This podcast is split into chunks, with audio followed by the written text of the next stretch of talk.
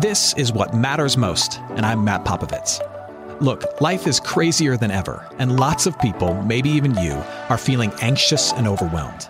Today's message is designed to help you figure out what's most important and to experience the peace and joy that God intends for you. Because life is a gift, and it shouldn't be wasted on worry. I'd like to give you a resource, something to help you navigate the road ahead. Just go to mattpopovits.com, click on the icon, and we'll send it to you. That's Matt, P-O-P-O-V-I-T-S dot com.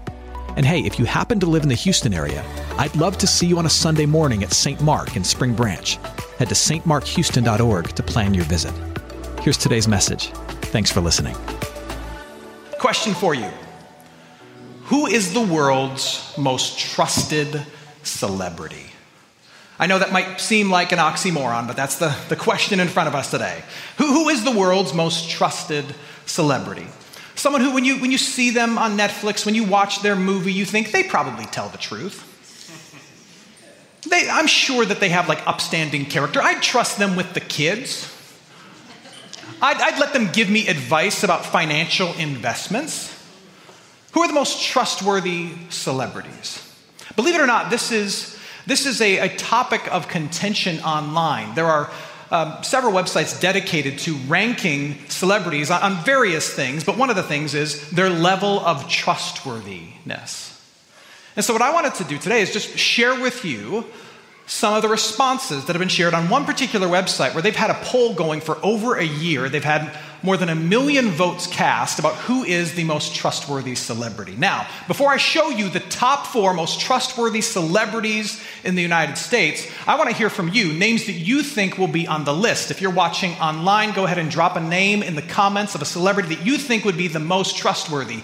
If you're here in person, go ahead and shout something out. Who do you think is going to be on this list? I hear, I hear Tom Hanks. I, see, I heard Oprah. Who else? Dolly Parton. Dolly Parton. She is one of America's saints, Dolly Parton. Those, those are all good guesses. So let me reveal to you the top four, with more than a million votes cast, the top four. The number four most trusted celebrity in the United States is Morgan Freeman. Morgan Freeman. I'll buy anything he sells, it's just the voice. Number three, the number three most trusted celebrity in the United States is the sainted Betty White. Yeah, who doesn't trust Betty White? If you don't trust Betty White, you got problems. the number two most trusted celebrity, this one surprised me. It made me say, whoa, it's Keanu Reeves. Keanu Reeves. Yep. I, I know, surprised to me as well. And then the number one most trustworthy celebrity is Tom Hanks. Tom Hanks, the most trustworthy celebrity. Somebody who shouted that out earlier gets a thousand points. There you go, Scott. You get a thousand points. Good for you. If you ask me after the service, I'll tell you the story about how I got my wife a happy birthday from Tom Hanks on her birthday in person one time. And then I looked at her afterwards and I said, Tom Hanks just wished you a happy birthday. I win all the birthdays forever. Forrest Gump said, Happy birthday, Lisa. So, so what is it about, about Tom or Betty or Morgan that makes them so trustworthy or seem so trustworthy? Is it, is it the roles that they play? Is the voice they have, the face they make? What is it? And, that's a, a good entree into a larger question. What makes anybody trustworthy? The reason I ask is because today we're concluding a series that we've been in called Trading Up. And today we're talking about trading disloyalty to faithfulness. Trading up from disloyalty to faithfulness. Uh, disloyalty is a word that simply means this we live in a day and age where commitment is hard to come by, where promises seem as though they're easily broken, and trust is at a premium. It's a disloyal day and age. We are disloyal to commitments, disloyal to promises, disloyal to the truth, or so it seems. And we're talking trading up from disloyalty to faithfulness. We live in a day and age of disloyalty where it seems as though commitments are hard to come by, promises are easily broken, the truth is often not told, and trust is at a premium. And here's the thing to keep in mind for, for us, if you're here as a follower of Jesus, is that Jesus has strong opinions about disloyalty. You heard it in today's reading. Let me, let me restate what he says in Matthew chapter 5, verse 37 from a slightly different translation. Jesus says this Let what you say simply be yes or no. Now, listen to this second phrase. Don't jump over this. He's making a very strong statement. Let what you say simply be yes or no. Anything more than this comes from evil. Here's what Jesus is saying it is a demonic thing it is a evil thing.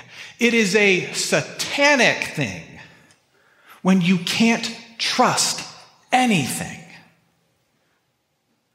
Let your yes actually mean yes, and your no mean no. So, how did we get here?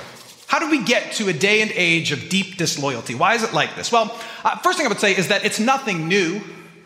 If you read the first few chapters of Genesis, which is the Christian story of how all things began, what you see is that there was disloyalty from about the jump. Ask Adam and Eve about the whole apple thing. There were promises broken, there were lies told right away. I think each generation gets themselves into this, this disloyal lifestyle in its own unique way. And being the, the dime store sociologist and psychologist that I try to be, I would offer to you that the reason we, the current set of modern people, are in this disloyal day and age is because we have bought into two particularly broken ideas as people. The two broken ideas are these number one, that commitment itself is captivity. And number two, that wants outweigh words. Commitment is captivity, wants outweigh words. In our day and age, freedom, defined as doing whatever you want to do, when and how ever you want to do it, is seen as the highest good. Therefore, commitment or obligation is inherently a threat to that freedom, which is seen to be the highest good. Because what if something better comes along? Therefore, it's a virtue to keep yourself without obligation. You need to be free of commitments in order to truly attain the highest good, which is freedom. And if freedom is our highest good in this day and age, then pleasure, the pursuit of pleasure, is our culture's God, lowercase g. These two ideas, you could say these two lies, that commitment is captivity and that your wants outweigh whatever words you've given to other people, are then used to justify avoiding accountability, to justify breaking promises, to justify twisting the truth and telling lies. It's used to justify so much of the disloyalty that we are guilty of and that we experience. And yet, what Christians believe is that God wants to fill his world with something better than broken promises, twisted truths, and an unwillingness to commit to good and beautiful things. God wants his people to be the people who trade up from disloyalty to faithfulness. God wants to fill this world with faithfulness that kind of looks like him. And he wants it to enter this world through his people. Now, in order to really dig into this conversation, we have to define what it is we mean when we say faithfulness. So, biblically speaking, faithfulness comes down to this it comes down to one who commits to what is good, speaks what is true, and is the same to all people. It is a faithfulness to commitment, it is a faithfulness to truth, and it is a faithfulness to your character. It's integrity. You're committed to what is good, you speak what is true, and you are the same to all people. Now, as I outline that definition of what it means to be faithful, I have to admit to you that on all three of those counts, I fail spectacularly just about every single day. I struggle to be consistent in my character. If that's what faithfulness is, I fail spectacularly all the time. And I think probably, my guess is that you do as well. But, but hear this if, if you are here as a, as a forgiven follower of Jesus Christ, even though faithfulness is a struggle for you, even though it doesn't really come naturally for you or for me, God's Spirit is alive and well in you. And that's the promise of Galatians chapter 5. Paul is talking to utterly sinful, unfaithful people, and yet he says, God's Spirit is alive in you and it's longing to produce certain fruit in you. And if you hear me preaching this sermon, and as I talk about, we live in a day and age of disloyalty, and we need more people who will commit to the good things, speak the truth. If, if that resonates with you and something in you says, yes, we need more of that, then that is God's own Spirit speaking to you, saying that He wants to stir greater faithfulness in you, that it starts with you. It's God's way of saying to you and to me, yes, it's time to trade up to something better. Let go of a little bit of this world's disloyalty and trade up for faithfulness. Now, you might be wondering, well, Matt, what does that look like to be more faithful? And, and here's what I know I don't have to tell you. You know. I don't have to tell you what it looks like to be faithful. I, I just outlined it. And it's blatantly obvious. Like, don't be a liar. Cool? Keep your promises, okay? Don't be one person in private and then a totally different person in public. That's what faithfulness looks like. It's relatively obvious. What I think that what we need is not how to be faithful. What we need is some reasons why it's a worthy pursuit. Hey, friends, it's Matt. If you're listening to us in Houston and you're looking for an excellent education in a Christian setting for your student, I'm inviting you to take a tour of St. Mark Lutheran School in Spring Branch. We serve infants through eighth grade with an excellent faculty, brand new facilities, and a faith forward curriculum. To schedule your tour, head to gostmark.org. That's G O S T M A R K dot org to schedule your tour today. St. Mark Lutheran School. It's excellent education for your son, your daughter, your little one. Now, back to today's message. Why should we long for this and seek this and try to bear this fruit? So, let me give you a couple reasons why. First, I think faithfulness is something that you should pursue to nurture more of in your own life because faithfulness is freedom. Commitment is not captivity, faithfulness is freedom.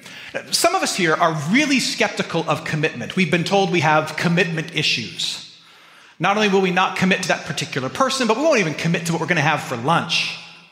We don't want to make the wrong choice. But what I want to tell you is that the opposite is actually true.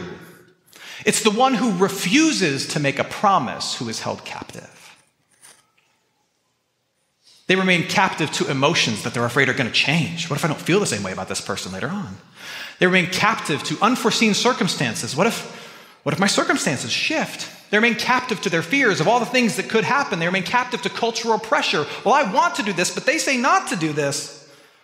What you're doing is you're allowing all these other things to keep you from doing something you know you should do. That's captivity.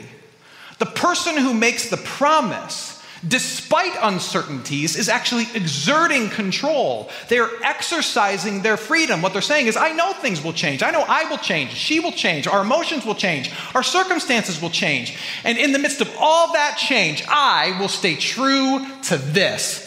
That's the exercise of freedom. You're not held captive to the uncertainties. You should want this because this is actual freedom. The bird that commits itself to the air rather than the sea isn't limited, it learns to fly. Freedom isn't about the absence of obligations, it's about the right one. That's what it's about. Well, it's not just freedom. The reason you should pursue and aim for faithfulness is because faithfulness is love. Faithfulness in all the forms that we've talked about, making commitments to that which is good, telling the truth, being the same person at all times, is a gift of love that you give to the world around you. I'm a firm believer that one of the primary reasons why anxiety is on the rise in our world is because trust in every single institution is being seriously eroded. No one knows what to believe, what is right, or whether some good thing is going to last for very long. And in a world where, where faithfulness is hard to find, anxiety is certain, and peace of mind is at a premium. But, but here's what happens when, when you keep your word, when you promise your presence and you actually show up, when you arrive to each place as the same person every time, no matter what setting you're in, what you're doing is you are infusing your home, your workplace, your friend group, your most important relationships. You're infusing them with peace in an uncertain world. You're giving them stability in an uncertain world. You are giving them the gift of love when you are a faithful person. You see, we, we tend to think of love as this thing that's, that's lived out in these great and grand gestures the extravagant gift, the romantic getaway, the heroic act, the tear filled monologue where you profess your undying attraction and love to a particular person. But here's the truth it's not the absence of those things that send people to my office in pain.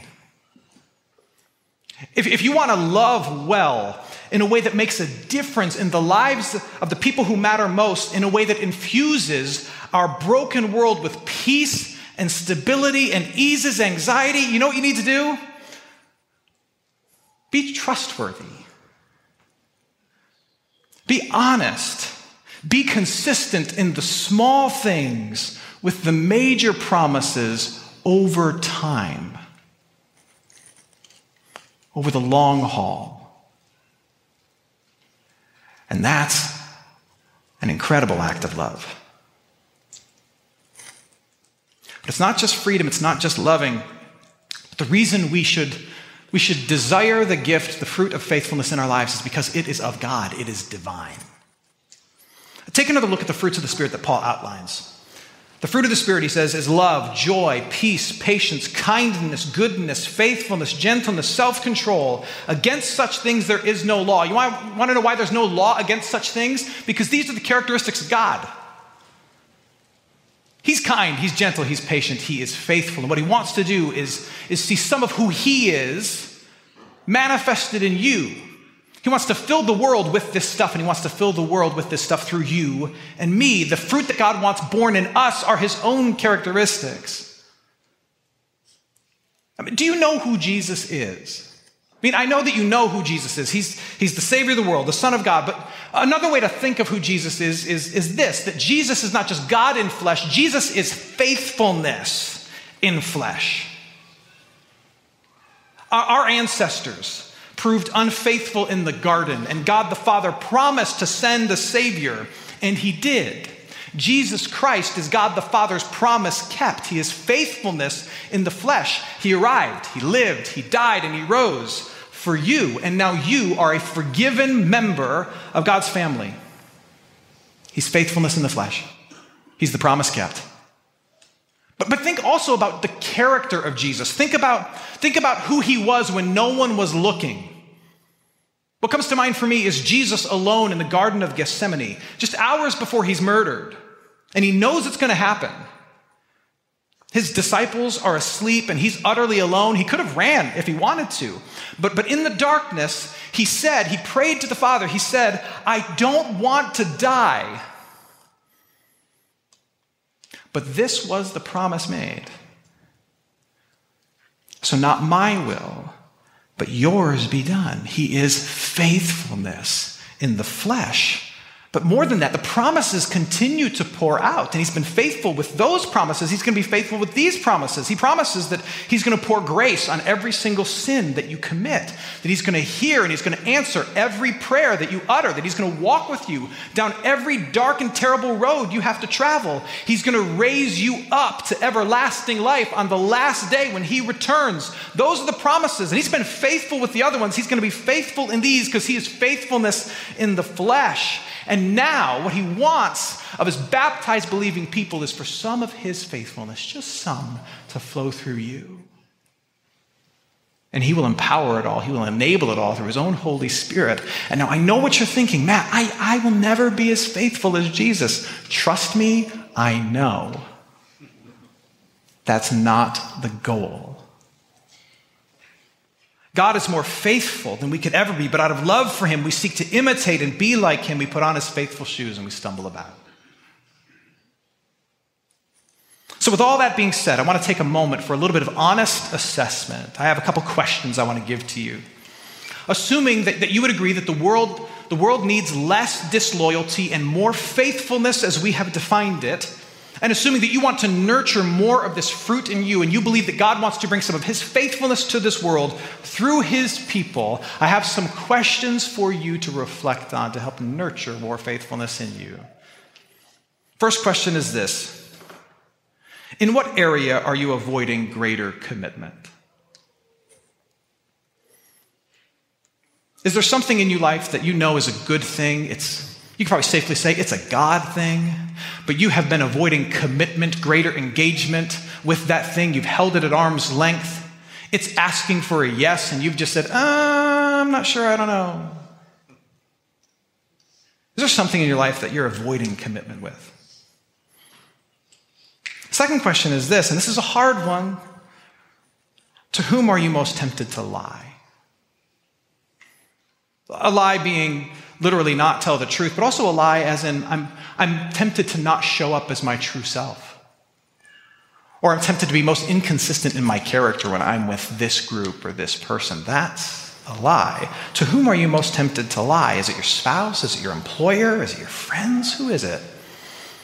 Take your honest answers to these things. And maybe if you're really brave, you talk about them with people that you know and you love and you really wrestle with it. I'm struggling with commitment to this, even though I know I should. I'm struggling to be truthful and honest in this part of my life, even though I, I know I, I should be truthful and honest. Wrestle with that. And then what I want you to do, follower of Jesus, is just pray about those things. And ask the Lord to help you to be a beacon of faithfulness in this world, insofar as it depends on you and by the power of His Spirit with those things. I know that some of you are like, but Matt, I'm really bad at prayer. I don't know like how to even start it. I got your back. Here, here's an example of a prayer that you could pray about your own call to the fruit of faithfulness. Uh, I'm going to have these words on the screen. I, I would invite you to say them with me. Consider this prayer practice. Let's say these words together. Heavenly Father, thank you for your faithfulness to me in Jesus Christ. Create in me a heart that is committed to those around me and the places you've put me. Help me to love the truth at all times, especially when it is inconvenient. And like my Lord, may I be the same in private that I am in public consistent in character with one and all. Amen. It goes like that. Who are the most trustworthy, most faithful people in your life? Not, not talking celebrities, like actual people that you know. Just think for a moment. If I were to put a collage of their photos on the screen, whose pictures would appear? Your spouse, your dad, your best friend? Who would be there? And as you think about those people, would you agree with me? The world needs more of those kinds of people, right? People who speak truth, people who are determined to do and keep the good, people who have integrity of character. Here's my, my final word to you Jesus Christ has set you free to be somebody else's most faithful person. His faithfulness to you, forgiving each sin, securing your future, makes it safe and even joyful for you to be faithful for others.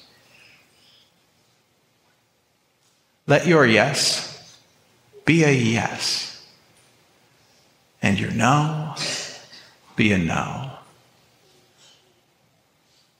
Amen. Let's pray.